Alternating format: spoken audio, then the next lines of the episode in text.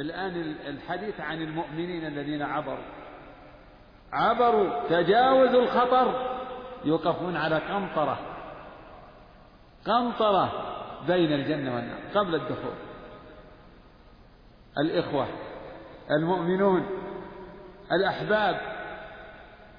يقتص لبعضهم من بعض. الحقوق التي تكون بين الإخوة.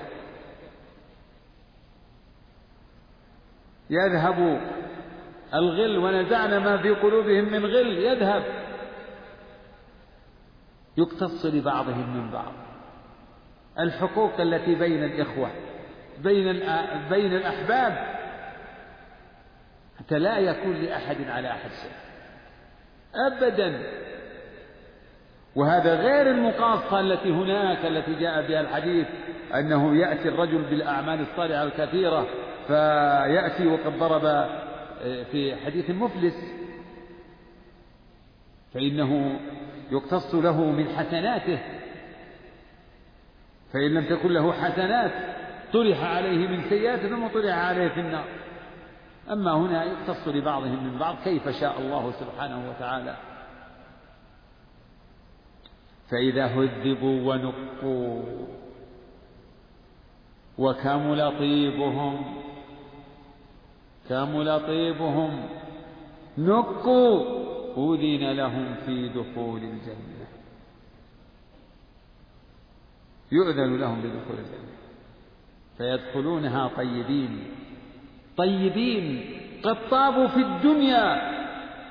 وكمل طيبهم هنا في في تلك القنطرة. كملوا وتهيأوا تهيأوا لدخول الدار الطيبة. وسيق الذين اتقوا ربهم إلى الجنة زمرا. حتى إذا جاءوها وفتحت أبوابها وقال لهم خزنتها سلام عليكم. طبتم فادخلوها خالدين. وقالوا الحمد لله الذي صدقنا وعده. وأورثنا الأرض نتبوأ من الجنة حيث نشاء فنعم أجر العاملين. فأهل السنة والجماعة يؤمنون بالصراط على ما جاء في الأخبار وأما أهل الأهواء فإنهم يحكمون عقولهم هذا كذا وهذا كذا هذا يعني غير معقول وهذا معقول. فيحكمون عقولهم فيما في أخبار الرسول صلى الله عليه وسلم. أما أهل السنة فيؤمنون ويسلمون. يعني منهجهم ومذهبهم قائم على التسليم لله ورسوله. لا يعارضون شيئا من ذلك بآرائهم وأهوائهم ومع معقول فلان ورأي فلان. نعم يا أخي. وأول. وأول من يستفتح باب الجنة محمد صلى الله عليه وسلم وأول من يدخل وأول من يدخل الجنة من الأمم أمته. وله صلى الله عليه وسلم في القيامة ثلاث شفاعات. أما الشفاعة الأولى فيشفع في أهل الموقف حتى يقضى بينهم بعد أن يتراجع الأنبياء آدم ونوح وإبراهيم وموسى وعيسى بن مريم من الشفاعة حتى تنتهي إليه. وأما الشفاعة الثانية فيشفع في أهل الجنة أن يدخلوا الجنة وهاتان الشفاعتان خاصتان له. وأما الشفاعة الثالثة فيشفع في من استحق النار. وهذه الشفاعة له ولسائر النبيين والصديقين وغيرهم. فيشفع في من استحق النار ألا يدخلها. ويشفع في من دخلها أن يخرج منها ويخرج الله من النار أقواما بغير شفاعة بل بفضله ورحمته ويبقى في الجنة فضل عمن ويبقى في الجنة فضل عمن دخلها من أهل الدنيا. فينشئ الله لها أقواما فيدخلهم الجنة وأصناف ما تضمنته الدار. يقول الشيخ أيضا يذكر جملة من الأمور التي تكون يوم القيامة والإيمان بها يدخل في الإيمان باليوم الآخر. فمن الإيمان باليوم الآخر الإيمان بأن أول من يستفتح باب الجنة نبينا محمد صلى الله عليه وسلم. يستفتح.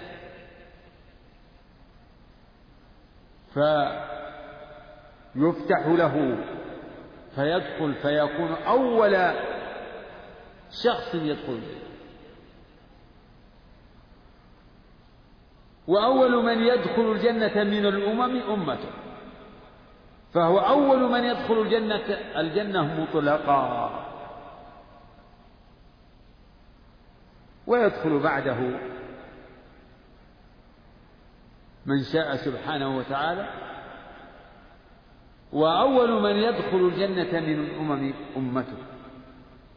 فهو أفضل النبيين والمرسلين وأمته خير الأمم.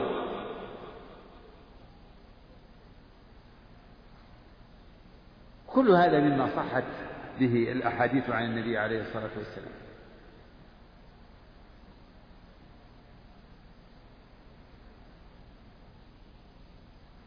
وهذه أيضا من خصائصه صلى الله عليه وسلم.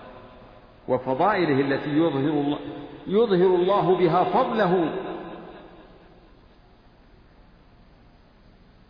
على رؤوس الأشهاد. ورفعنا لك ذكرك.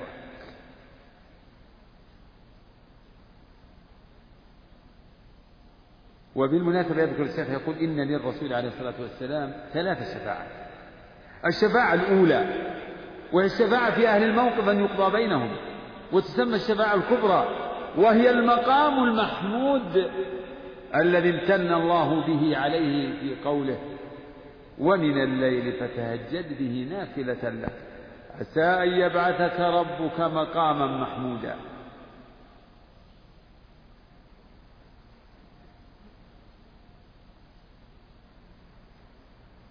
وفي الحديث بعد النداء وفي الدعاء بعد النداء من قال حين يسمع النداء اللهم رب هذه الدعوة التامة والصلاة القائمة آت محمدا الوسيلة والفضيلة وابعثه مقاما محمودا الذي وعده هذه الشفاعة. هذه الشفاعة خاصة به.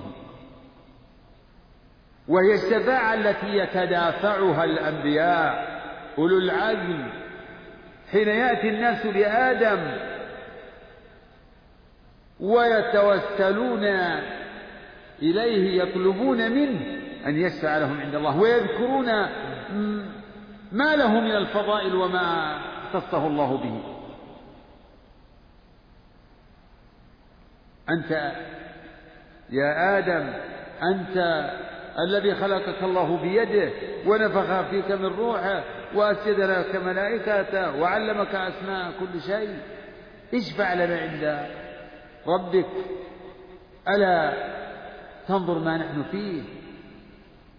ألا ترى ما نحن فيه؟ إلى آخر ما جاء في حديث الشفاعة الطويل المتواتر عن النبي عليه الصلاة والسلام. فينتهي تنتهي النوبة إلى النبي عليه الصلاة والسلام فيقول أنا لها فيذهب. فيسجد. يقول فإذا رأيت ربي خررت له ساجدا فيسجد ويحمد يحمد ربه بمحامد يعلمها إياه ويفتح بها عليه. فيقال له ارفع رأسك وقل يسمع وسل تعطى واشفع تشفع. هذه الشفاعة الكبرى التي يتراجع عنها الأنبياء.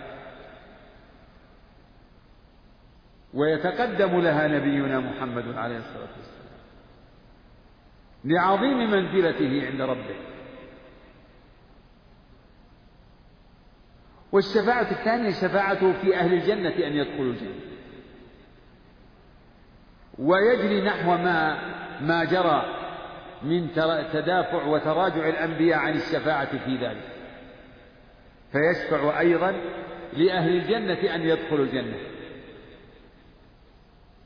وفي كل ذلك إظهار لشرفه صلى الله عليه وسلم وإعلاء لقدره.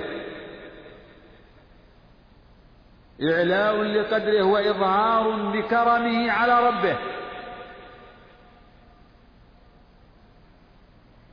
وهاتان يقول الشيخ وهاتان الشفاعتان الشفاعة في أهل الموقف أن يقضى بينهم والشفاعة في أهل الجنة يدخل الجنة. هاتان الشفاعتان خاصتان به أي لا يشركه فيهما أحد من الأنبياء ولا غيره. والثالث الشفاعة الشفاعة في أهل الكبائر.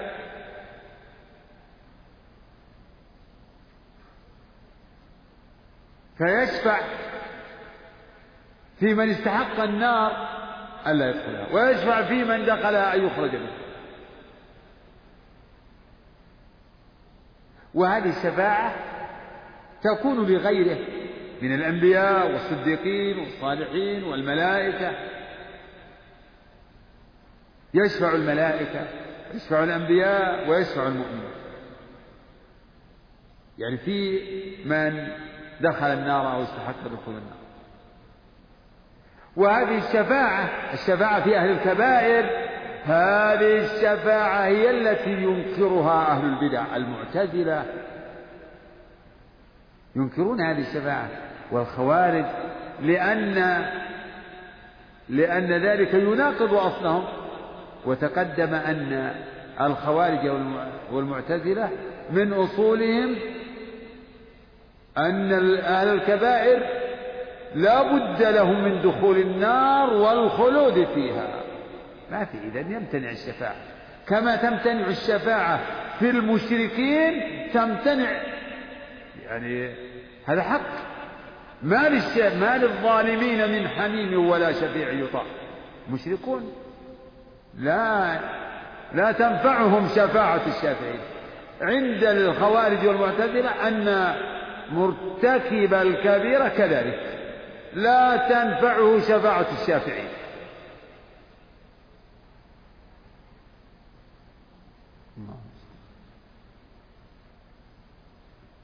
وأهل السنة والجماعة يؤمنون بهذا كله ويثبتون هذه الشفاعات للنبي عليه الصلاة والسلام وغيرها.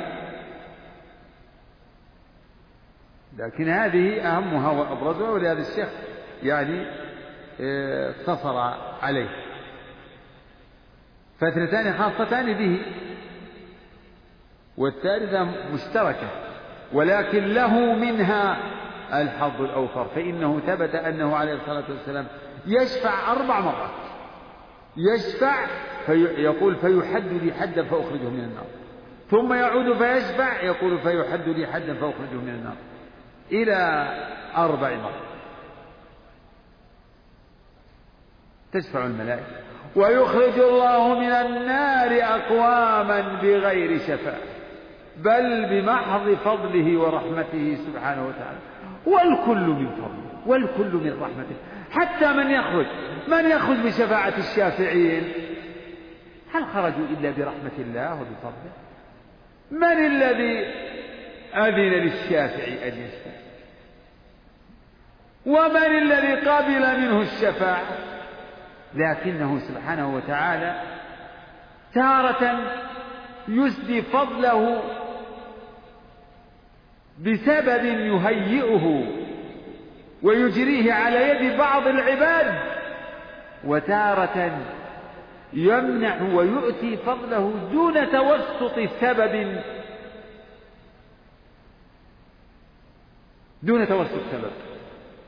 والسبب إذا توسط فهو أيضا عائد إلى إرادته تعالى ورحمته وفضله فالأمر له أولا وآخرا فهو الذي يرحم المشفوع له ويكرم الشافع بالإذن له وقبول شفاعة يكرم الشافع فيأذن له بالشفاعة ويرحم المشفوع في فينجيه من العذاب بشفاعة من أذن له بالشفاعة وقبلها نعم بعد. وأصناف ما تضمنته الدار الآخرة من الحساب والثواب والعقاب والجنة والنار وتفاصيل ذلك مذكورة في الكتب المنزلة من السماء والآثار من العلم المأثور عن الأنبياء. وفي العلم الموروث عن محمد صلى الله عليه وسلم من ذاك ما يشفي ويكفي فمن ابتغاه وجده وتؤمن الفرقة هذه الكلمة من الشيخ أجمل فيها الكلام عن اليوم الآخر. بعدما ذكر أشياء مما يكون يوم القيامة مما يجب الإيمان به ويدخل في الإيمان باليوم الآخر. ختم ذلك في هذه الجملة. أصناف ما تضمنته الدار الآخرة. أصناف وأنواع وتفاصيل ما تضمنته الدار الآخرة من الحساب والثواب والعقاب والجنة والنار. وتفاصيل ذلك موجود في الكتب المنزلة من السماء التوراة والإنجيل والقرآن وغيرها من كتب الله المنزلة. كلها تضمنت من هذا ما تضمنته. وكذلك في المأثور عن الأنبياء فيها آثار كثيرة مأثورة عن الأنبياء الماضين. تتضمن أخبارا عن اليوم الآخر. لكن لا لا يثبت شيء ولا يثبت شيء من ذلك إلا ما وصلنا بخبر معصوم. أما الآثار المروية عن الأنبياء والأخبار التي لم تثبت بطريق يجب آه، اعتماده فإنه يصبح يعني الأمر فيه الأمر فيه معلق على الدليل. يعني يصبح كحديث بني إسرائيل. إما أن يقوم الدليل على كذبه فيرد أو على صدقه فيجب الإيمان به أو يبقى لا يصدق ولا يكذب. لكن المأثور عن الأنبياء في عن اليوم الآخر وعن اليوم الآخر. هذا يعني حق ثابت. لكن إذا جاء فيه جزئيات وأشياء يعني تفصيلية فلا بد من أن أن يثبت ذلك. يقول وفي المأثور عن نبينا صلى الله عليه وسلم من الأخبار الآثار في القرآن ما يشفي ويكفي. لا نحتاج إلى أن نرجع للتوراة والإنجيل ونفتش أو في أخبار بني إسرائيل. لا نحتاج أبدا. ففي الكتاب والسنة الغنى فيه الغنى فيه ما يشفي ويكفي. اقرأوا القرآن ماذا تجدون فيه من الحديث عن اليوم الآخر. بل إن إنه لم يأتي في يعني من تفاصيل اليوم الآخر في الكتب المنزلة مثل ما جاء في القرآن.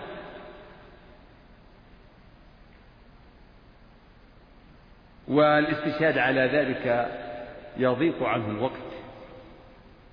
الله أكبر. وكذلك سنة النبي عليه الصلاة والسلام. فيها من الأخبار وال والآثار مما يتعلق باليوم الآخر الشيء الكثير. أعد هذا النص القصير. نعم. وأصناف. ما تضمنته الدار الآخرة نعم.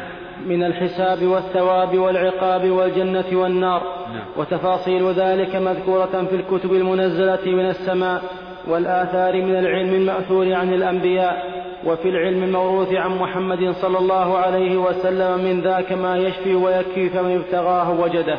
في العلم الموروث عن نبينا محمد صلى الله عليه وسلم هذا يشمل ما في الكتاب وما في السنة كله المأثور عن النبي.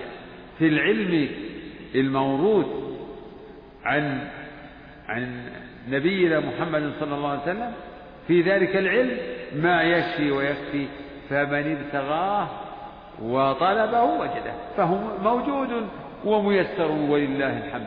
ولقد يسرنا القرآن للذكر فهل من مدكر؟ نعم. وتؤمن الفرقة الناجية أهل السنة والجماعة بالقدر خيره وشره والإيمان بالقدر على درجتين كل درجة تتضمن شيئين. كيف على هذا يقول الشيخ وتؤمن الفرقة الناجية المنصورة أهل السنة والجماعة تؤمن بالقدر خيره وشره. نلاحظ أن هذا هو الأصل السادس وأن الشيخ أشار إلى بعض ما يتعلق في الإيمان بالله وكتبه ورسله واليوم الآخر ثم انتهى إلى الكلام عن الأصل السادس وهو الإيمان بالقدر. فالفرقة الناجية المنصورة تؤمن بالقدر خيره وشره. كما كما في قوله صلى الله عليه وسلم عن الإيمان تؤمن بالله وملائكته وكتبه ورسله واليوم الآخر وتؤمن بالقدر خيره وشره. تؤمن بالقدر. يعني بالتقدير بتقدير الله للأشياء قبل كونها. تقدير الخير والشر الأشياء فيها خير وشر. الأشياء المقدرة فيها خير وشر. فالقدر يطلق ويراد به التقدير السابق. تقدير الله للأشياء في علمه وكتابه. ويطلق القدر على الشيء المقدر تقول هذا قدر. تعني الحادث تقول هذا قدر. يعني أمر مقدر. فكل الأشياء قدر. قيامك قدر وقعودك قدر ومشيك قدر وأكلك وشربك كله قدر. يعني مقدر. الحوادث التي تحدث كلها قدر قدر. كلهم مقدر قدر بمعنى مقدر. يعني سبق به علم الله وكتابه.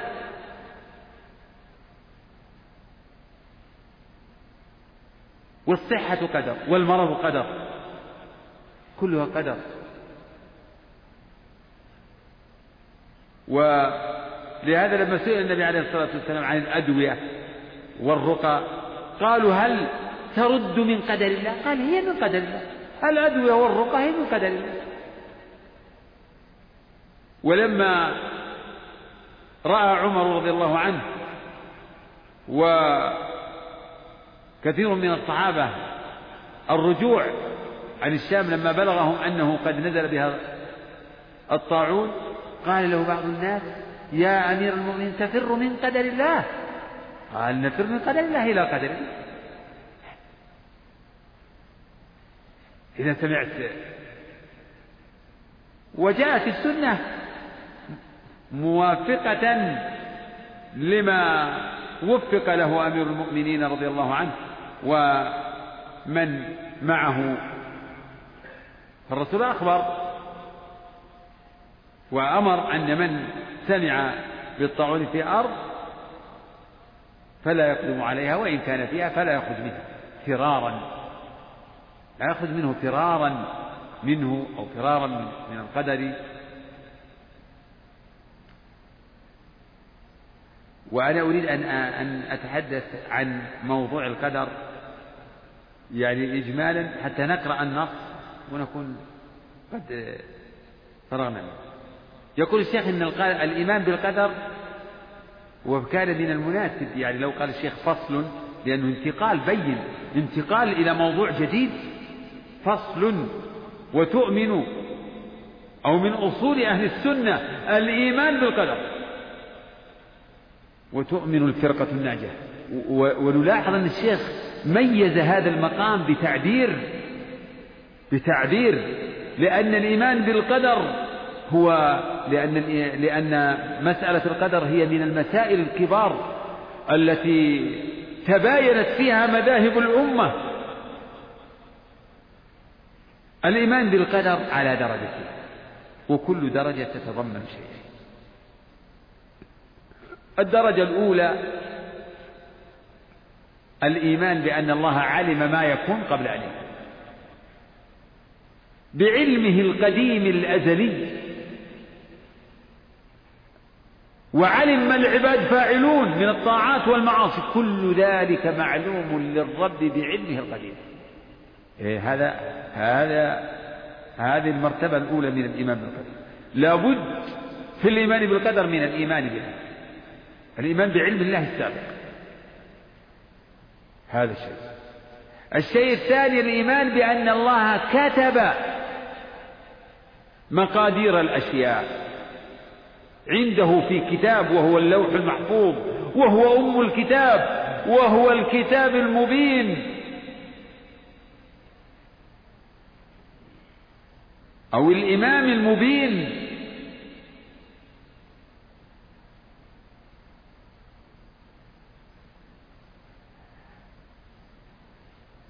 كتب ذلك بقلم المقادير كما في الحديث الصحيح. قدر الله مقادير الخلق قبل أن يخلق السماوات والأرض بخمسين ألف سنة.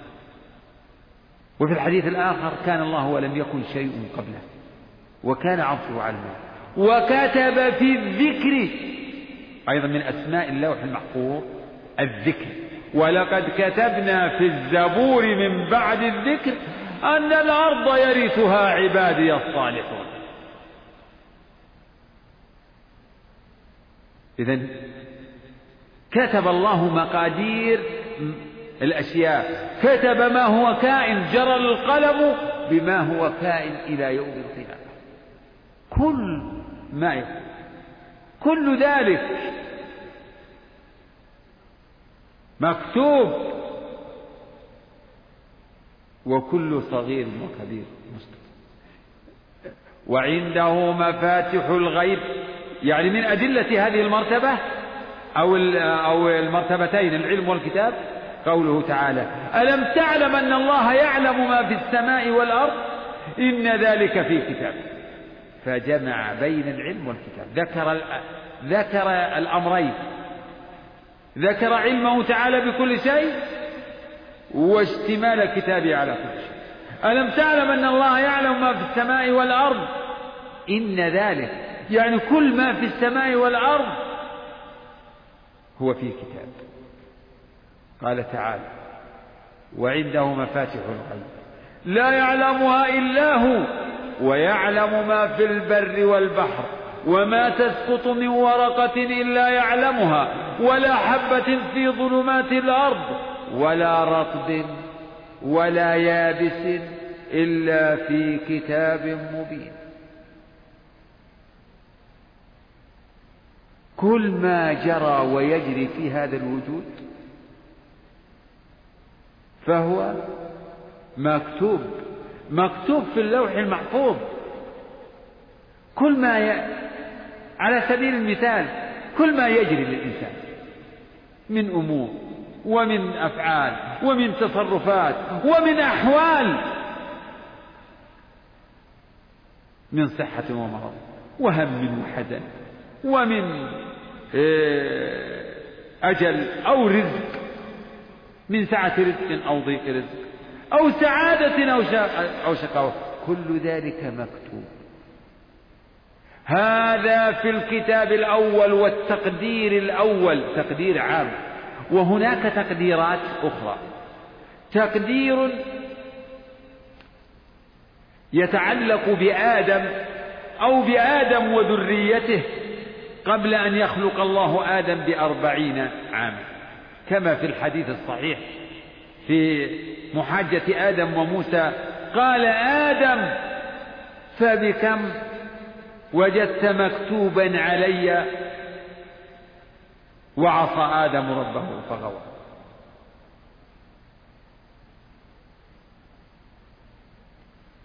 وفي بعض الروايات أتلومني على أمر قد, قد, قد قدره الله علي قبل أن أخلق بأربعين عاما. وتقدير ثالث وهو تقدير يتعلق بكل فرد. كل فرد له تقدير يخصه. كما في الحديث الصحيح المتفق على صحته أنه عندما يبلغ الجنين أربعة أشهر ويتم له يتم له مئة مئة وعشرين يوما آه، يأتيه الملك فينفخ فيه الروح ويؤمر بأربع كلمات بكتب رزقه وأجله وعمله وشقي أو سعيد.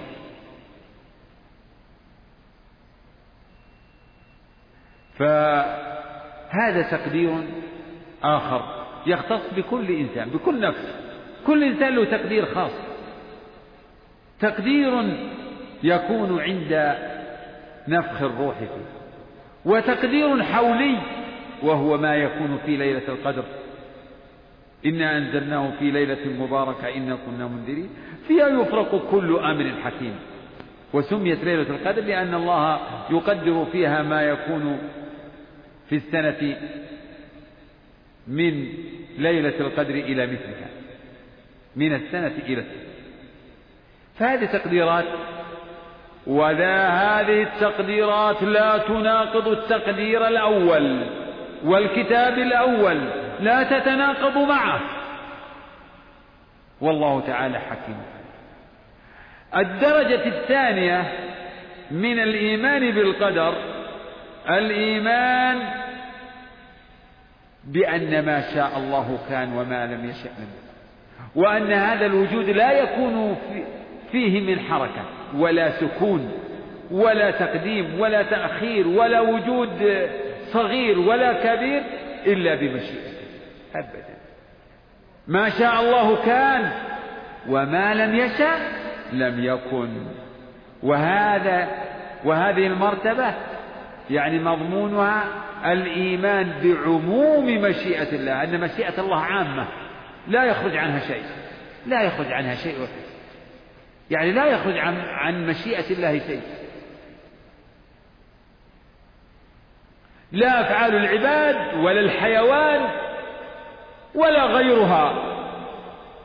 والمرتبة الرابعة وهي الأمر الثاني أو الشيء الثاني من الدرجة الثانية الإيمان بأنه تعالى خالق كل شيء وأنه على كل شيء. فهو خالق السماوات والأرض ومن فيهن وما بينهما من الذوات والصفات والأفعال خالق العرش وما دون العرش. كل ذلك خلقه. الله خالق كل شيء. إذا الإيمان بالقدر لا يتم إلا بهذه الأمور الأربعة وتسمى مراتب الإيمان بالقدر. الإيمان بالقدر لا بد أن يشتمل على هذه المراتب الأربع فأهل السنة والجماعة يؤمنون بالقدر على هذا الوجه بمراتبه الأربع وأما المنكرون للقدر فهم طائفتان. غلاة أنكروا العلم والكتاب ويقولون إن الله لا يعلم الأشياء إلا بعد وجودها ومعنى هذا إنه لم لم يقدر الأشياء ولم يكتب ما سيكون. كما ينكرون عموم المشيئة وعموم الخلق ويخرجون عن مشيئة الله وخلقه يخرجون عن ذلك أفعال العباد بل وأفعال الحيوان. فهذا مذهب قدمائهم وغلاتهم أي قدماء القدرية. أما المتوسطون منهم فينكرون المرتبة الثانية الثالثة والرابعة وهي عموم المشيئة. ومنهم المعتزلة. فالمعتزلة ينكرون عموم المشيئة وعموم الخلق. فيخرجون أفعال العباد عن مشيئة الله. فعندهم أن أفعال العباد ليست بمشيئة الله والعبد يتصرف بغير مشيئة الله والله لا يقدر على أن يغير من حال الإنسان شيئا. فيتضمن ذلك تعجيز الرب تعجيزه تعالى الله عن قولهم علوا كبيرا. ويخرجون أفعال العباد عن ملكه فمضمون قولهم أنه تعالى ليس له الملك كله. وأهل السنة والجماعة يؤمنون بأنه تعالى له الملك كله وله الحمد كله سبحانه وتعالى. نعم تفضل. اقرأ والإيمان بالقدر على درجتين كل درجة تتضمن شيئين فالدرجة الأولى الإيمان بأن الله تعالى عليم بما الخلق عاملون بعلمه إيش؟ أن أن الله أن الله تعالى عليم بما الخلق عاملون. نعم. بعلمه القديم. بعلمه القديم؟ نعم, نعم. بعلمه القديم الذي هو موصوف به أزلا وأبدا وعلم جميع أحوالهم من الطاعات والمعاصي والأرزاق والآجال. ثم كتب الله في اللوح هذا المرتبة الأولى. نعم. ثم كتب هذه المرتبة الثانية. نعم ثم, ثم كتب الله في اللوح المحفوظ مقادير الخلق فأول ما خلق الله القلم قال له اكتب قال ما أكتب قال اكتب ما هو كائن إلى يوم القيامة فما أصاب الإنسان لم يكن ليخطئه وما أخطأه لم يكن ليصيبه جفت الأقلام وطويت الصحف. كما قال تعالى ألم تعلم أن الله يعلم ما في السماء والأرض؟ إن ذلك في كتاب. إن ذلك على الله يسير. وقال ما أصاب من مصيبة في الأرض ولا في أنفسكم إلا في كتاب من قبل أن نبرأها. إن ذلك على الله يسير. وهذا التقدير التابع لعلمه سبحانه. يكون في مواضع يكون في مواضع جملة وتفصيلات فقد كتب في اللوح المحفوظ ما شاء وإذا خلق, جس وإذا خلق جسد الجنين قبل خلق الروح قبل خلق الروح فيه بعث إليه ملكا فيؤمر بأربع كلمات فيقال له اكتب رزقه وأجله وعمله وشقي أم سعيد ونحو ذلك. فهذا التقدير قد كان ينكره غلاة القدرية قديما ومنكروه اليوم قليل. نعم نعم وهذا التقدير. فهذا التقدير نعم. قد كان ينكره غلاة القدرية قديما ومنكروه اليوم قليل. نعم هؤلاء الغلاة ينكرون العلم والكتاب وينكرون ما ينكره غيرهم من عموم المشيئة وعموم الخلق. نعم. وأما الدرجة الثانية فهي مشيئة الله النافذة وقدرته الشاملة وهو الإيمان بأن ما شاء الله كان وما لم يشأ لم يكن وأنه ما في السماء ما في السماوات وما في الأرض من حركة ولا سكون إلا بمشيئة الله سبحانه لا يكون في ملكه ما لا يريد لا يكون نعم لا يكون في ملكه ما لا يريد وأنه سبحانه على كل شيء قدير من الموجودات والمعدومات. فما وأنه تعالى على كل شيء قدير. نعم. من الموجودات والمعدومات. نعم. فما من مخلوق في الأرض ولا في السماء إلا الله خالقه سبحانه لا خالق غيره ولا رب سواه. ومع ذلك فقد أمر العباد بطاعته وطاعة رسله ونهاهم عن معصيته. وهو سبحانه يحب المتقين والمحسنين والمقسطين. كيف على هذا؟ أيضا يعني يجب مع الإيمان بالقدر بما يشتمل عليه من الأمور الأربعة التي نقول إنها مراتب الإيمان بالقدر. فإنه يجب الإيمان بالشر مع الإيمان بالقدر لا بد من الإيمان بالشر فإن الناس اختلفوا في هذا المقام. فمنهم من آمن بالشرع وأنكر القدر وهم القدرية كالمعتزلة وغيرهم. ومنهم من آمن بالقدر وكفر بالشرع أو أعرض عن الشرع وتها و و ولم ينظر إليه وهم الجبرية. الذين يقول الإنسان مجبور على أفعاله وشرهم الذين يعارضون الشرع يعارضون الشرع بالقدر. ومنهم المشركون الذين قالوا لو شاء الله ما أشركنا. فعارضوا دعوة الرسل محتجين بالقدر. نعم. وطائفة قالوا إن الشرع والقدر يعني فيه فيهما تناقض فطعنوا في حكمة الرب. وتسمى هذه الطائفة التي تطعن في حكمة الرب وتعارض بين الشرع والقدر. وإن أثبت أثبتتهما تسمى الإبليسية. فزعيمهم في هذا إبليس فهو الذي يعني مع إقراره بالشرع والقدر فإنه اعترض على الرب في في ذلك وطعن في حكمته. فكان هو إمام هذه الطائفة المخذولة. وأهل السنة والجماعة يؤمنون بهذا يؤمنون بالقدر بما يشتمل عليه من الأمور الأربعة ويؤمنون بالشرع. يؤمنون بأن الله أمر عباده ونهاهم.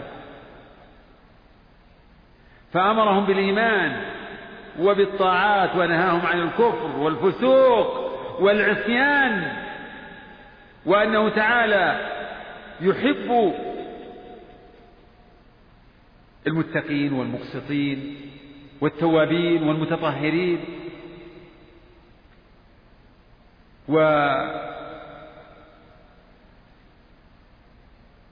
ولا يرضى لعباده الكفر و ولا يحب الفساد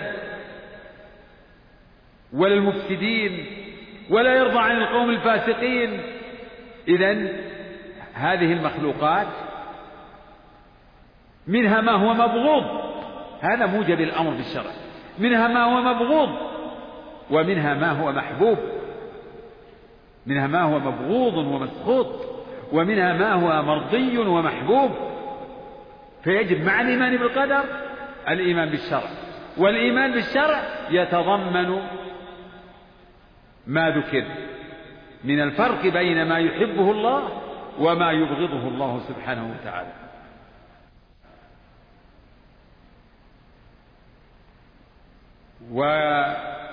ويتضمن إثبات الأسباب كذلك لا بد من إثبات الأسباب. إثبات أن الأسباب مؤثرة بإذن الله. ويدخل في ذلك الإيمان بأن العباد فاعلون. فاعلون حقيقة. وأن لهم مشيئة واختيارا خلافا للجبرية. وأن الله تعالى خالق قدرتهم وأفعالهم. كما تقدمت الإشارة إلى هذا عند ذكر وسطية أهل السنة والجماعة بين الجبرية والقدرية. المقصود أنه لا بد مع الإيمان بالقدر من الإيمان بالشرع ولا يستقيم أمر العبد وإيمانه إلا بهذا وهذا. فمن أنكر واحدا منهما ضل عن الصراط المستقيم. ومن غفل عن واحد منهما كذلك لا بد من النظر إلى الأمرين جميعا ووضع كل من الأمرين في موضعه. فعند المصائب عليك أن تنظر إلى القدر تؤمن بقدر الله ولا تتسخط قضاء الله وقدره. وعند المعايب والمعاصي كان تنظر إلى الشرع فت...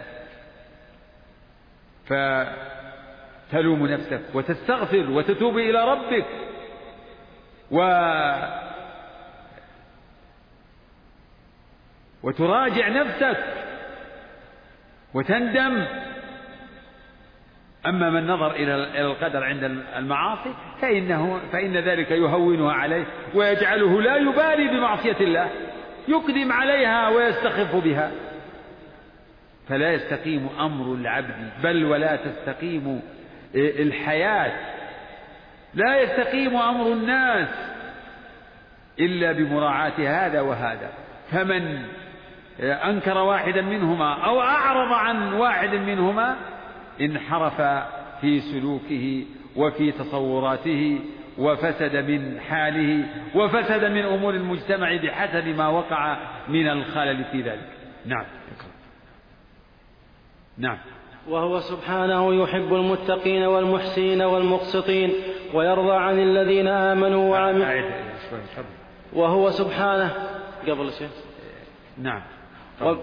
نعم. ومع ذلك إيه مع ذلك يعني مع الإيمان بالقدر فقد أمر العباد بطاعته وطاعة رسله ونهاهم عن معصيته. نعم. وهو سبحانه يحب المتقين والمحسنين والمقسطين. نعم. ويرضى عن الذين آمنوا وعملوا الصالحات. ولا يحب الكافرين. ولا يرضى عن القوم الفاسقين. ولا يأمر بالفحشاء. ولا يرضى لعباده الكفر. ولا يحب الفساد. والعباد فاعلون حقيقة. والله خالق أفعالهم. والعبد هو المؤمن والكافر والبر والفاجر هذا هذا تفصيل لقوله والعباد فاعلون حقيقة. ما دام هم الفاعلون حقيقة إذا العبد هو المؤمن والكافر والبر والفاجر والمطيع والعاصي إلى نعم. والعبد هو المؤمن والكافر والبر والفاجر والمصلي والصائم وللعباد القدرة على أعمالهم ولهم إرادة. والعباد لهم قدرة على أفعالهم ولهم إرادة. خلافا لمن؟ للجبرية. نعم. والله خالقهم وخالق قدرتهم وإرادتهم كما قال الله تعالى. الله خالقهم وخالق قدرتهم وإرادتهم. خلافا لمن؟ للقدرية النفاة نعم. كما قال تعالى لمن شاء منكم أن يستقيم وما تشاءون إلا أن يشاء الله رب العالمين. وهذه الدرجة من القدر يكذب بها عامة القدرية. هذه الدرجة التي تتضمن الإيمان بعموم مشيئة الله وعموم قدرته وخلقه. الدرجة هذه يكذب بها عامة القدرية. غلاتهم ومتوسطوهم نعم. الذين يكذب بها عامة القدرية نعم. الذين سماهم النبي صلى الله عليه وسلم مجوس هذه الأمة. نعم. الذين سماهم النبي صلى الله عليه وسلم مجوس هذه الأمة ويغلو فيها قوم من أهل الإثبات. ويغلو فيها قوم من أهل الإثبات؟ نعم. نعم. حتى سلبوا العبد قدرته واختياره. من هم؟ الجبرية. فالجبرية يغلون في إثبات القدر.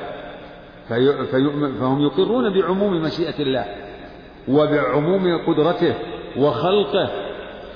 لكنهم غلوا حتى سلبوا العبد قدرته واختياره. نعم ويغلو فيها قوم. نعم. أعيد. ويغلو فيها قوم من أهل الإثبات حتى سلبوا العبد قدرته واختياره. نعم. ويخرجون عن أفعال الله وأحكامه حكمها ومصالحها. حكمها. ويخرجون نعم ويخرجون ويخرجون عن أفعال الله وأحكامه حكمها ومصالحها. يعني من مما يتضمنه مذهب القدرية نفي الحكمة.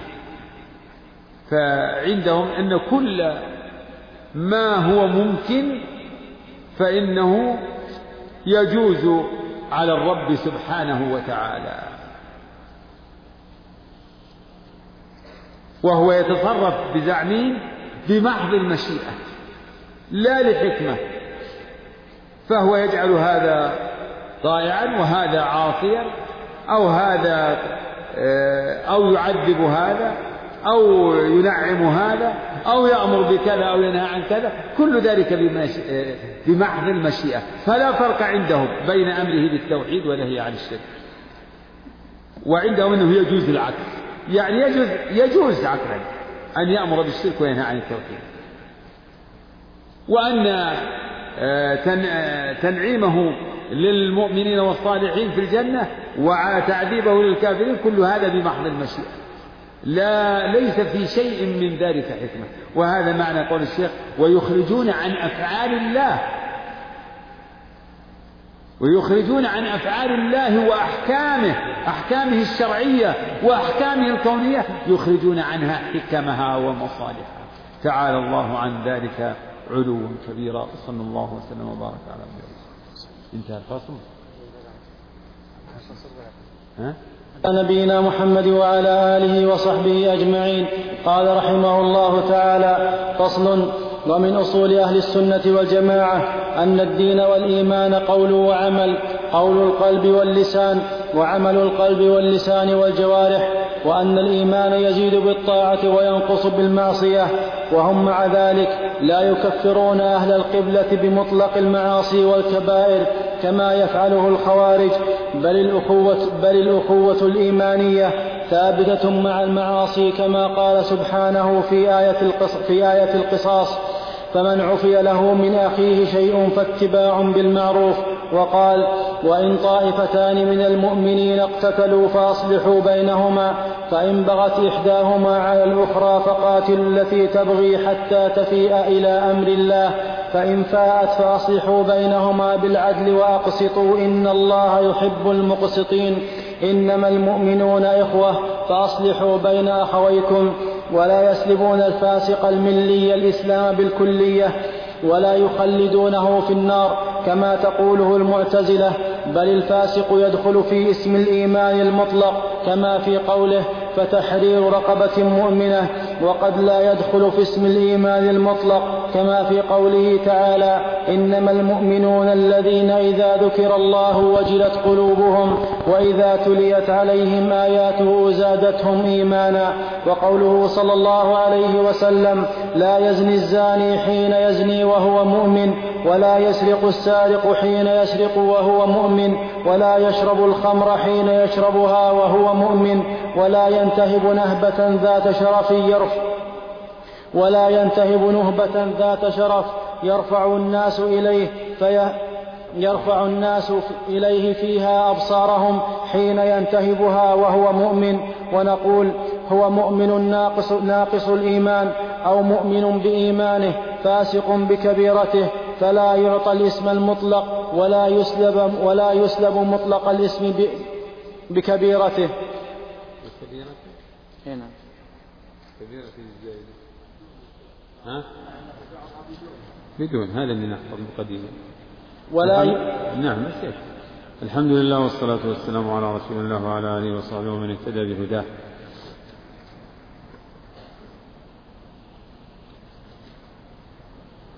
يعقد الشيخ رحمه الله هذا الفصل لبيان مذهب أهل السنة في ثلاث مسائل. في الحقيقة أنه سبقت الإشارة إلى بعضها. عند الكلام في وسطية أهل السنة والجماعة. بين فرق الأمة.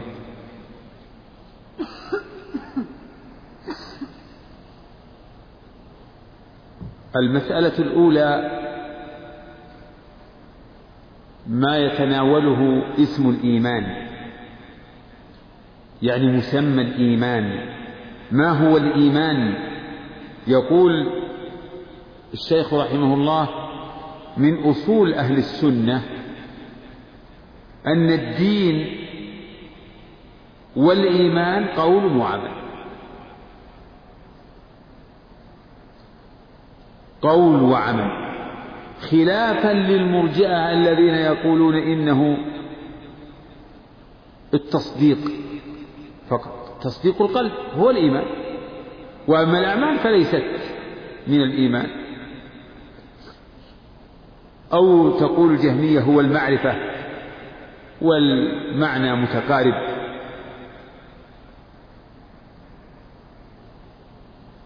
وخلافا للكرامية الذين يقولون الإيمان هو التصديق باللسان. فمن صدق بلسانه فهو مؤمن. فهو مؤمن يعني في الدنيا. وإن كان مخلدا في النار يوم القيامة. لكن ليس هو في الحقيقة بمؤمن بل هو منافق. هذا اسمه الشرعي.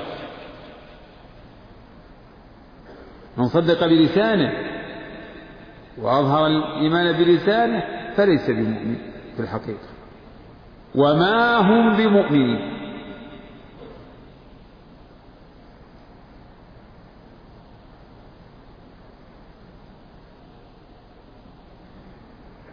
فأهل السنة يقولون إن الإيمان قول وعمل.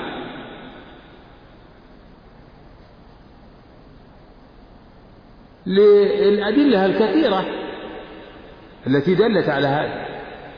فالرسول صلى الله عليه وسلم فسر الإيمان في حديث جبريل بأصوله الستة وهي اعتقادية أن تؤمن بالله وملائكته وكتبه إلى آخره. وفسر الإيمان في حديث وفد عبد القيس بأمور عملية. قال لهم أتدرون ما الإيمان؟ أتدرون ما الإيمان بالله وحده؟ شهادة أن لا إله إلا الله وأن محمد رسول الله وإقام الصلاة وإيتاء الزكاة وأن تؤدوا خمس ما غنمتم.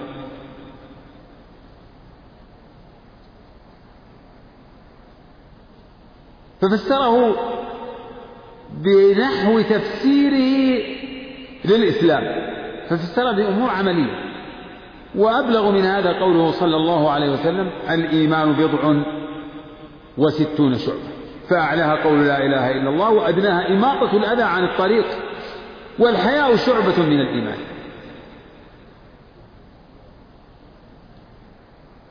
وقال كثير من الأئمة الإيمان قول وعمل. رد على المرجئة. الذين يقولون الإيمان هو مجرد قول قول قول القلب. يعني اعتقاد القلب وإقرار اللسان المرجئة. يسمون مرجئة الفقهاء. كالإمام أبي حنيفة يقول ومن تبعه يقول الإيمان هو التصديق بالقلب تصديق القلب وإقرار اللسان وأهل السنة وأئمة أهل السنة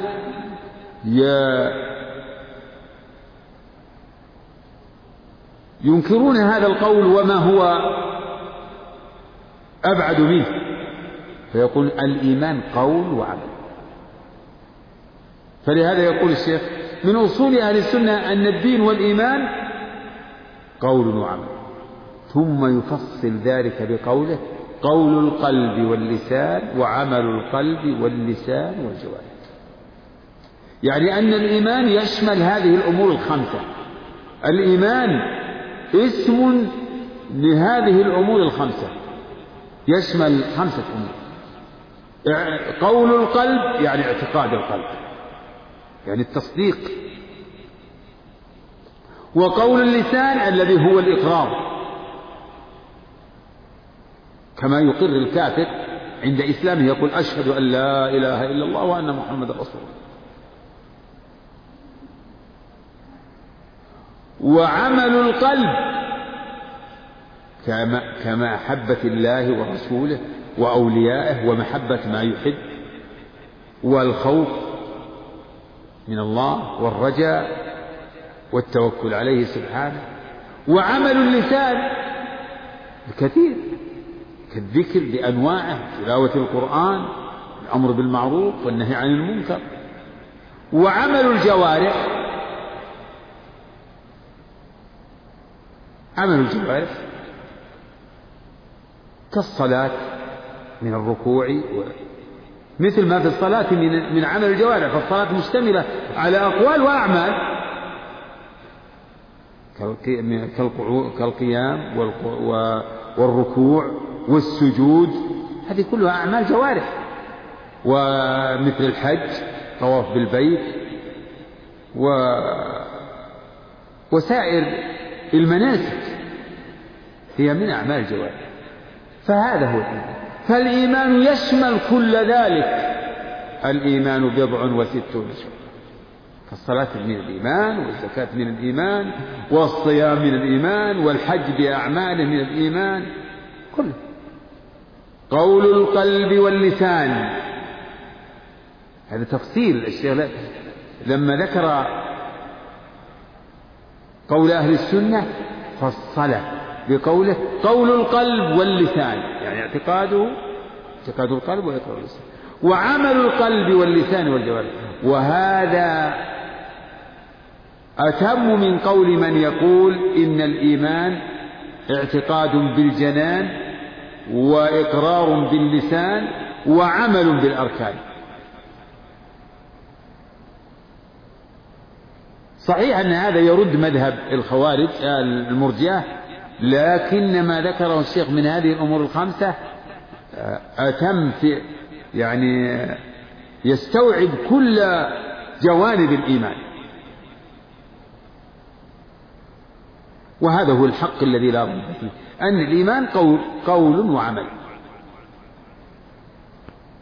خلافا للمرجئة من الجهمية والأشاعرة و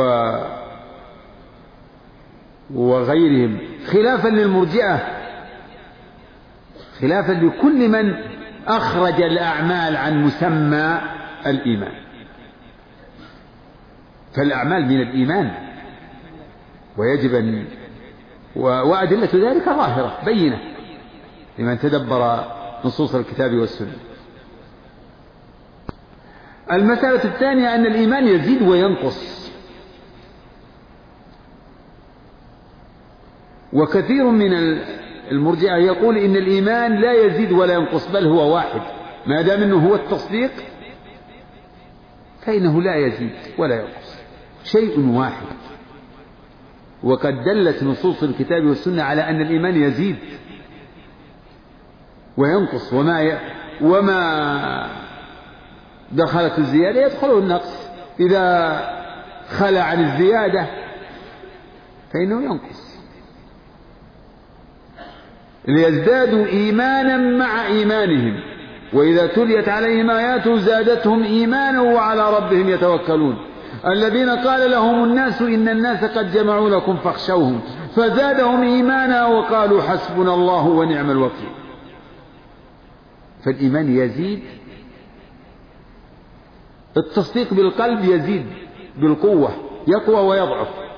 والإيمان يزيد بالطاعة فكل من كان أطوع لله كان إيمانه أكمل. وينقص بالمعصية ينقص. وهذا هو هو المعقول. أفيكون إيمان التقي المستقيم على أمر الله ظاهرا وباطنا؟ كإيمان المنتهك لحرمات الله.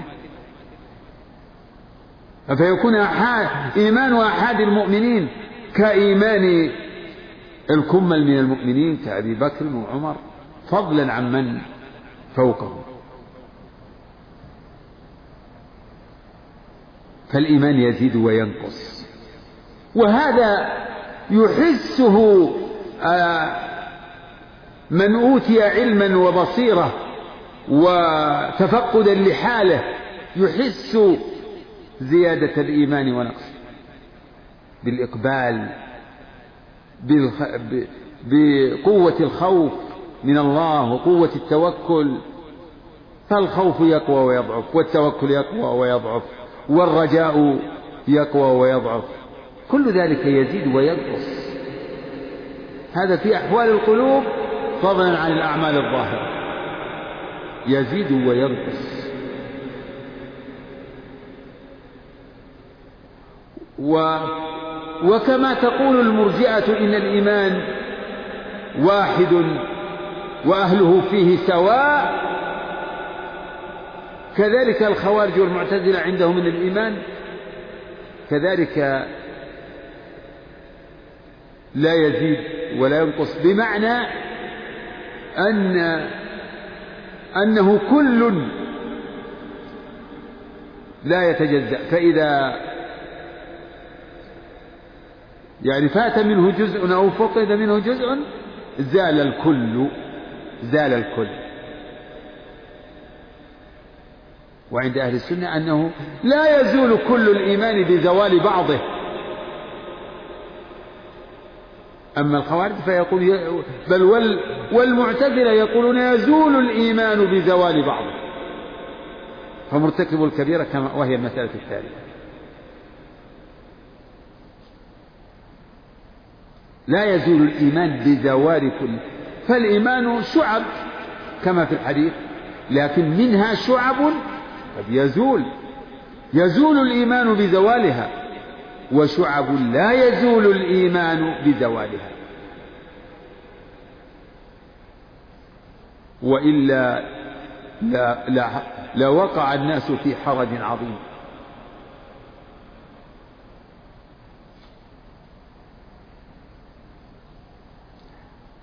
المسألة الثالثة حكم مرتكب الكبيرة فأهل السنة والجماعة لا يكفرون بمطلق المعاصي لا يكفرون أهل القبلة. أهل القبلة هو كل من أظهر الإسلام ولم يأتي ناقضا من نواقض الإسلام فهو من أهل القبلة. كما في الحديث من صلى صلاتنا واستقبل قبلتنا وأكل ذبيحتنا فله ما لنا وعليه ما علينا. أو فهو المسلم له ما لنا وعليه ما علينا. فهؤلاء هم أهل القبلة. فكل الطوائف التي لا يحكم بكفرها فهي من أهل القبلة. والمنافقون هم من أهل القبلة في الظاهر وإلا فهم المنافقون ليسوا من المؤمنين بل هم مع الكافرين. إن الله جامع المنافقين والكافرين في جهنم جميعا. إن المنافقين في الدرك الأسفل من النار ولن تجد لهم نصيرا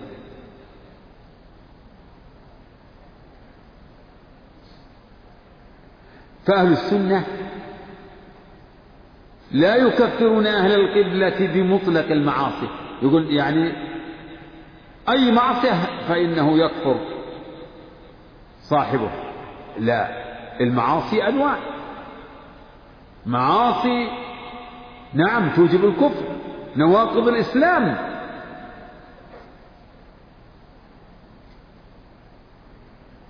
كالاستهزاء بآيات الله وبرسول الله.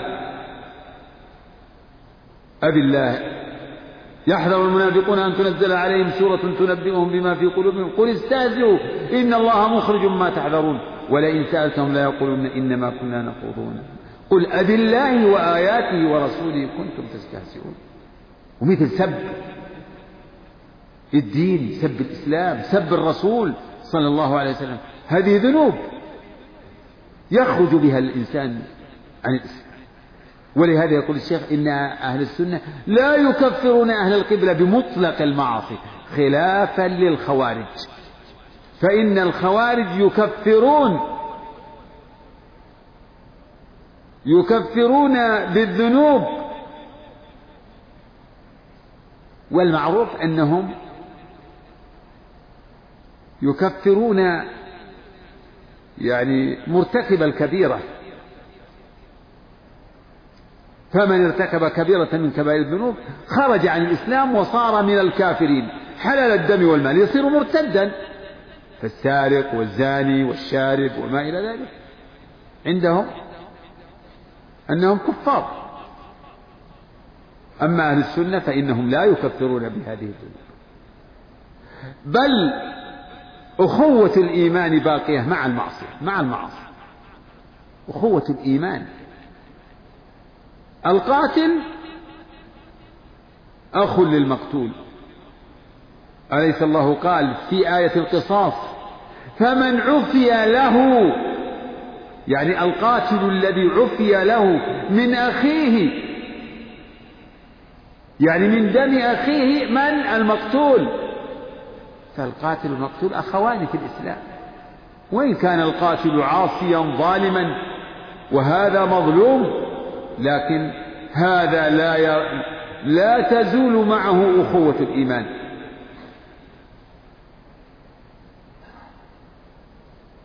ومثل هذا آية الحجرات وإن طائفتان من المؤمنين اقتتلوا فأصلحوا بينهما. إلى أن قال تعالى إنما المؤمنون إخوة.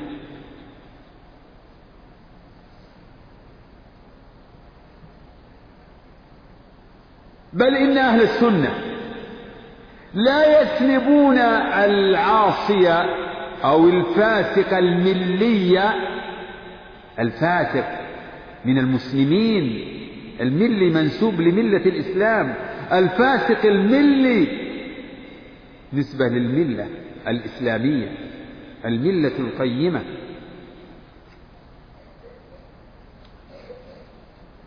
لا يسلبونه الإيمان كما تفعل الخوارج كما تفعل المعتزلة. الخوارج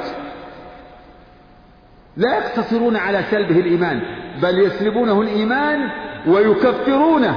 أما المعتزلة فإنهم يسلبون الإيمان وأهل السنة لا يكفرونه بل ولا يسلبونه الإيمان ولا يخلدونه في النار يوم القيامة. بل هو يوم القيامة الفاسق الملي يوم القيامة تحت مشيئة الله. إن شاء الله غفر له وإن شاء عذبه بقدر ذنبه ثم يخرجه من النار برحمته سبحانه وتعالى وبشفاعة الشافعين من أهل طاعته وكل ذلك من فضله وكرمه وإحسانه. فأهل السنة أيضا لا يسلبون الفاسق الملي الإيمان. كما تفعل المعتزلة ولا يخلدونه في النار كما تقول الخوارج والمعتزلة.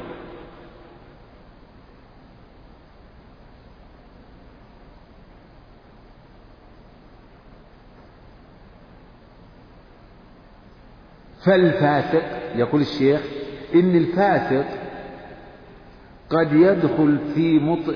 في الإيمان المطلق في بعض الآيات. وقد لا يدخل في بعض الآيات. ففي قوله تعالى فتحرير رقبة مؤمنة. تحرير رقبة مؤمنة. هذه يدخل فيها الفاسق. فليس من شرط الرقبة التي آه، أمر الله بتحريرها ليس من شرطها يعني كمال الإيمان لا بل يجزي تحرير يجزي تحرير رقبة. إنسان رجل ذكر أو أنثى معه أصل الدين أصل الإيمان. ولهذا الرسول عليه الصلاة والسلام قال للجارية التي أراد آه، أراد سيدها أن يعتقها قال لها النبي عليه الصلاة والسلام أين الله؟ قالت في السماء. إذا هي مؤمنة بالله وأنه في العلو خلافا للمعطلة الحلولية. قال من أنا؟ قالت أنت رسول الله صلى الله عليه وسلم. قال أعتقها فإنها مؤمنة. وقد لا يدخل الفاسق الملي في الإيمان المطلق في بعض النصوص كقوله تعالى إنما المؤمنون إنما المؤمنون الذين إذا ذكر الله وجلت قلوبهم وإذا تليت عليهم آياته زادتهم إيمانا وعلى ربهم يتوكلون. إلى قوله أولئك هم المؤمنون حقا. فالفاسق الملي الفاسق لا يدخل في مثل هذه الآية. لا يدخل في من هذه صفاتهم. أولئك هم المؤمنون حقا. فالفاسق الملي ليس مؤمنا حقا. هم مؤمن في الجملة. كما لا يدخل في اسم الإيمان في قوله صلى الله عليه وسلم لا يزني الزاني حين يزني وهو مؤمن. وهو مؤمن. الإيمان الإيمان الكامل الذي يمنع من مقارفة هذه الفواحش. فمن يقدم على الزنا أو السرقة أو آه، أو الانتهاب لا يقدم على ذلك وهو مؤمن. إيمان المؤمنين الكمل الذين يمنعهم إيمانهم عن اقتراف المعاصي وإن كان معه أصل الإيمان. الزاني وهو يزني مع عنده أصل الإيمان. لا يزول عنه أصل الإيمان. لو زال عنه أصل الإيمان صار مرتدا. ولو مات قبل أن يتوب كان كافرا. وهذا وهذا قول الخوارج. لا هو معه الأصل لكن يزول عنه. يزول عنه الإيمان الكامل الذي يمنع من الإقدام على الفاحشة. ومتى يعود؟ متى يعود له إيمانه إذا تاب. إذا تاب. إذا تاب عاد إليه ما كان من معه من إيمان. عاد بالتوبة. نعم يعود إليه إيمان. أما ما دام أنه مصر لا يعود إليه إيمان. مصر مصر على مقارفة الزنا أو السرقة أو الشرب أو غيره.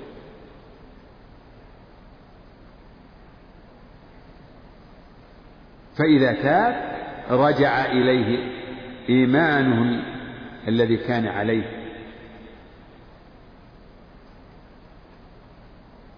يقول الشيخ في ختام هذا الفصل في بيان حكم الفاسق وهو مرتكب الكبيرة العاصي من المسلمين يقول فإذا ماذا يعبر أهل السنة عن الفاسق؟ يقولون إنه مؤمن بإيمانه. يعني مؤمن هو مؤمن بما معه من إيمان. فاسق بكبيرة هو فاسق باعتبار الكبيرة ومؤمن بما معه. عنده عنده يعني جانب طاعة وجانب معصية. أو هو مؤمن ناقص الإيمان. صحيح مؤمن ناقص الإيمان.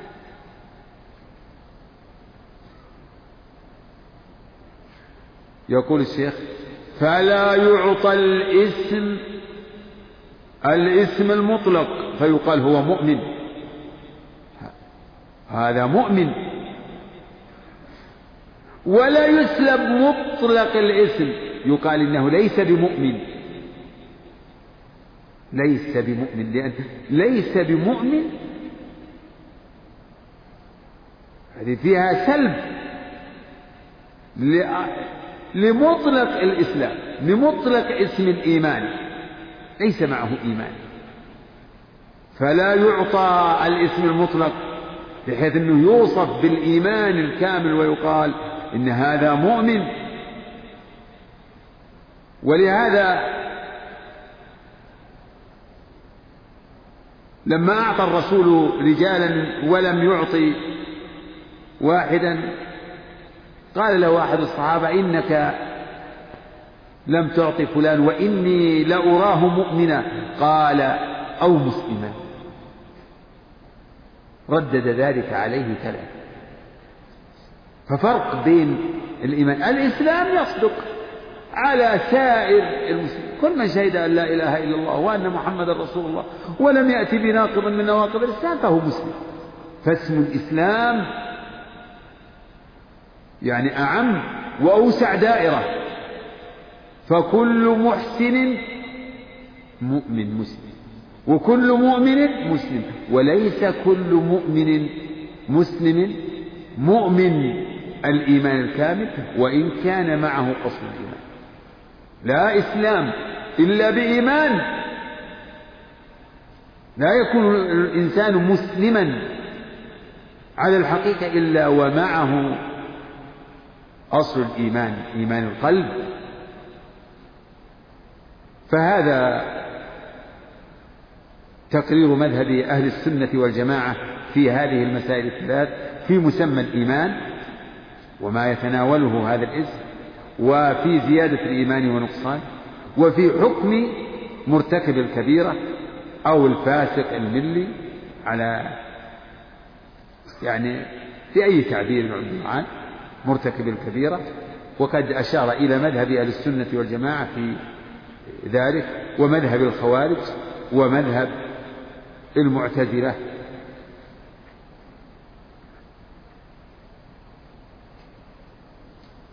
فأهل السنة والجماعة يخالفون هذه الطوائف في ما ابتدعوه من الأسماء والأحكام. فهو مرتكب الكبيرة حكمه في الدنيا أنه مثلا مؤمن ناقص الإيمان ليس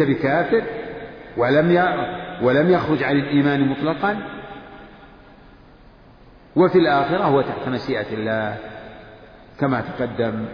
وهذا هو موجب عدل الرب سبحانه وتعالى. فلا يسوي بين من آمن به وبرسله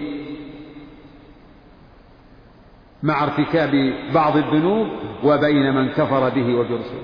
الله تعالى لا يسوي بين هؤلاء. كما لا يسوي بين العاصي الفاسق المجترع على حرمات الله وبين المتقين. أم نجعل الذين آمنوا وعملوا الصالحات كالمفسدين في الأرض أم نجعل المتقين كالفجار؟ نعم بعد. ومن أصول أهل السنة والجماعة سلامة قلوبهم وألسنتهم لأصحاب رسول الله صلى الله عليه وسلم كما وصفهم الله به في قوله تعالى والذين جاءوا من بعدهم يقولون ربنا اغفر لنا ولإخواننا الذين سبقونا بالإيمان ولا تجعل في قلوبنا غلا للذين آمنوا ربنا إنك رؤوف رحيم وطاعة النبي صلى الله عليه وسلم في قوله لا تسبوا أصحابي فوالذي نفسي بيده. لو أن أحدكم أنفق مثل أحد ذهبا ما بلغ مد أحدهم ولا نصيفه. ويقبلون ما جاء به الكتاب والسنة والإجماع من فضائلهم ومراتبهم. ويفضلون من أنفق من قبل الفتح من قبل الفتح. وهو صلح الحديبية وقاتل على من أنفق من بعد وقاتل ويقدمون المهاجرين على الأنصار ويؤمنون بأن الله قال لأهل بدر وكانوا ثلاثمائة, ثلاثمائة وبضعة عشر اعملوا ما شئتم فقد غفرت لكم وبأنه لا يدخل النار أحد بايع تحت الشجرة كما أخبر به النبي صلى الله عليه وسلم بل قد رضي الله عنهم ورضوا عنه وكانوا أكثر من ألف وأربعمائة ويشهدون بالجنة لمن شهد له رسول الله صلى الله عليه وسلم كالعشرة وثابت بن قيس بن شماس وثابت بن قيس بن شماس وغيرهم من الصحابة ويقرون بما تواتر به النقل عن أمير المؤمنين علي بن أبي طالب رضي الله عنه وغيره من أن خير هذه الأمة بعد نبيها أبو بكر ثم عمر ويثلثون بعثمان ويربعون بعلي رضي الله عنهم كما دلت عليه الآثار وكما أجمع الصحابة على تقديم عثمان في البيعة مع أن بعض أهل السنة كانوا قد اختلفوا في عثمان وعلي رضي الله عنهما بعد اتفاقهم على تقديم أبي بكر وعمر أيهما أفضل فقدم قوم عثمان وسكتوا وربعوا بعلي وقدم قوم عليا وقوم توقفوا لكن استقر أمر أهل السنة على تقديم عثمان ثم علي. وإن كانت هذه المسألة مسألة عثمان وعلي ليست من الأصول التي يضلل المخالف التي يضلل المخالف فيها عند جمهور أهل السنة لكن الذي يضلل في الذي يضلل فيها مسألة الخلاف وذلك الخلافة مسألة الخلافة وذلك أنهم يؤمنون أن الخليفة بعد رسول الله صلى الله عليه وسلم أبو بكر وعمر ثم, ثم أبو بكر ثم عمر ثم عثمان ثم علي ومن طعن في خلافة أحد من هؤلاء فهو أضل من حمار أهله ويحبون أهل بيت رسول الله صلى الله عليه وسلم ويتولونهم ويحفظون فيهم وصية رسول الله صلى الله عليه وسلم حيث قال يوم غدير خم أذكركم الله في أهل بيتي وقال أيضا للعباس عمه وقد اشتكى إليه أن بعض قريش يجفو بني هاشم فقال والذي نفسي بيده لا يؤمنون حتى يحبوكم لله ولقرابتي وقال إن الله اصطفى بني إسماعيل واصطفى من بني إسماعيل كنانة واصطفى من كنانة قريشا واصطفى من قريش بني هاشم واصطفاني من بني هاشم ويتولون أزواج رسول الله صلى الله عليه وسلم أمهات المؤمنين ويؤمنون بأنهن أزواجه في الآخرة خصوصا خديجة رضي الله عنها. أم أكثر أولاده أول من آمن به و أكثر أولاده. خصوصا. خصوصا خديجة رضي الله عنها.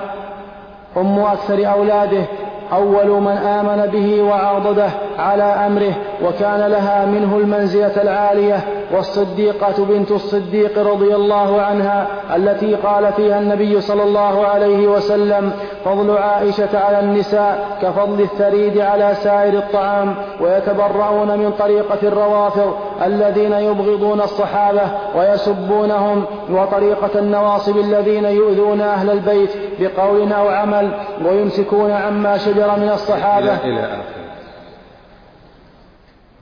اللهم وهذا فصل ضمنه الشيخ رحمه الله. منهج أهل السنة والجماعة في أصحاب الرسول وقرابة الرسول وزوجات الرسول صلى الله عليه وسلم.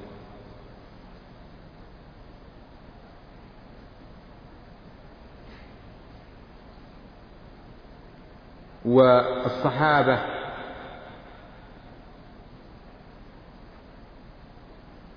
يعني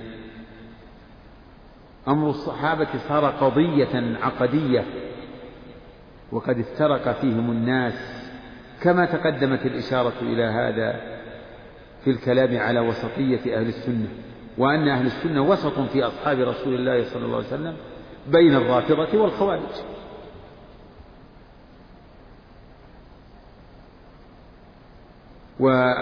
ومنهج أهل السنة والجماعة يتضمن هذه الأمور التي ذكرها الشيخ.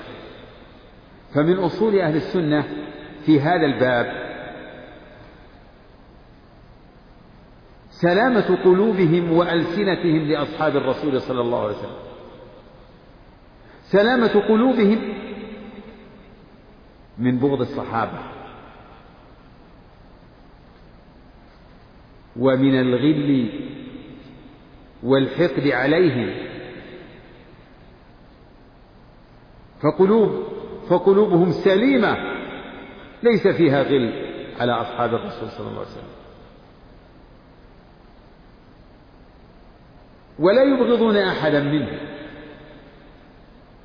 وكذلك ألسنتهم سليمة.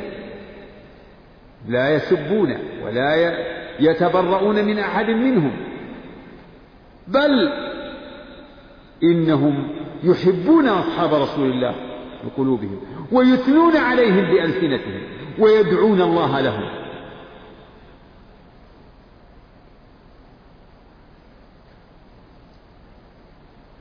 كما وصف الله أولئك أعني التابعين لأصحاب الرسول صلى الله عليه وسلم من المهاجرين والأنصار. قال الله فيهم والذين جاءوا من بعدهم يعني من بعد المهاجرين والأنصار. يقولون ربنا اغفر لنا ولإخواننا الذين سبقونا بالإيمان. ولا تجعل في قلوبنا غلا للذين آمنوا. ربنا إنك رؤوف رحيم. هذا يدل علامة على محبة. يدل على محبتهم لمن قبلهم. للمهاجرين والأنصار. لذلك يدعون لهم بالمغفرة. ويسألون ربهم أن يطهر قلوبهم من الغل. ولا تجعل في قلوبنا غلا للذين آمنوا. ربنا إنك رؤوف رحيم. وإن كان هذا المعنى مشروع من المؤمنين لإخوانهم عموما.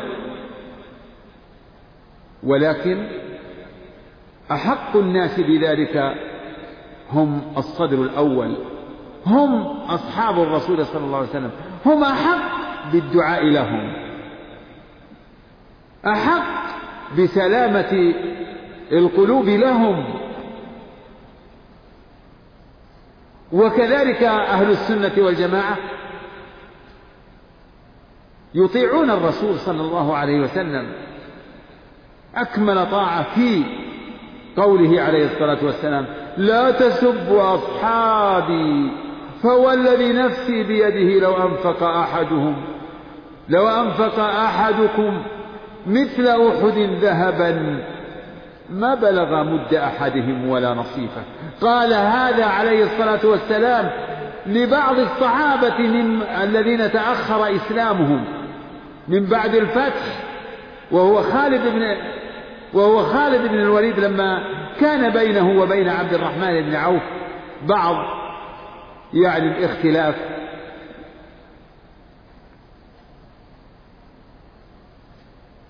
فقال عليه الصلاة والسلام لخالد لا تسب أصحابي. فالصحبة مراتب فبعض فبعض الصحابة أكمل صحبة من بعض. فالسابقون الأولون ليسوا كالمتأخرين ليسوا كالذين تأخر إسلامهم. وهذا كذلك ينسحب على من جاء بعد الصحابة.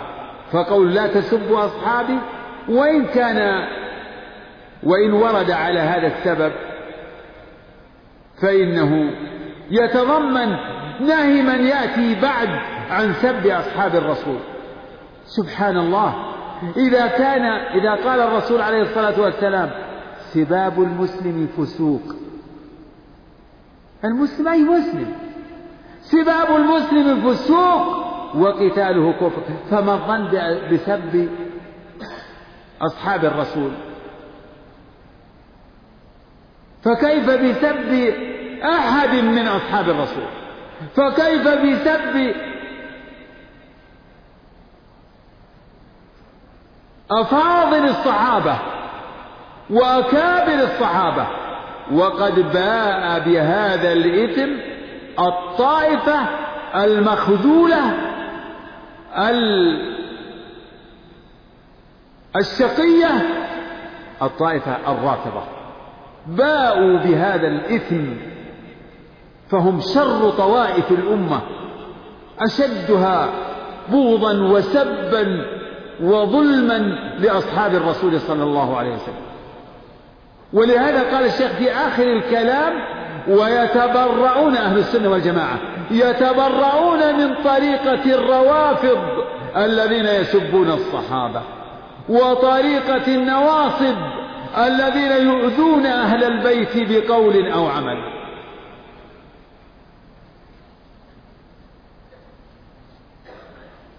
ومن تفاصيل هذا هذا الأصل أن أهل السنة يقدمون المهاجرين على الأنصار. يعني أن أهل السنة يؤمنون بفضل الصحابة ويحبونهم وينزلونهم منازلهم. فالصحابة متفاضلون فبعضهم أفضل من بعض. لذلك أهل السنة نعم أهل السنة يقدمون المهاجرين على الأنصار. لأن الله قدمهم في الذكر. فأي آية يذكر الله فيها المهاجرين والأنصار؟ فإنه تعالى يقدم المهاجرين. والسابقون الأولون من المهاجرين والأنصار. يقدمون المهاجرين على الأنصار.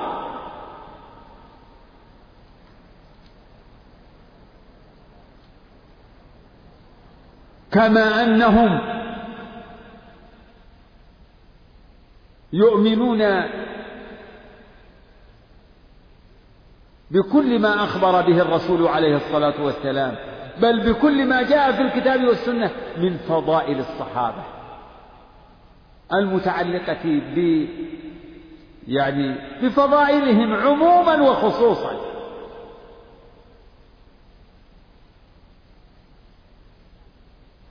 فيؤمنون ويصدقون بقوله صلى الله عليه وسلم بما جاء في قوله لعل الله اطلع على أهل بدر فقال اعملوا ما شئت.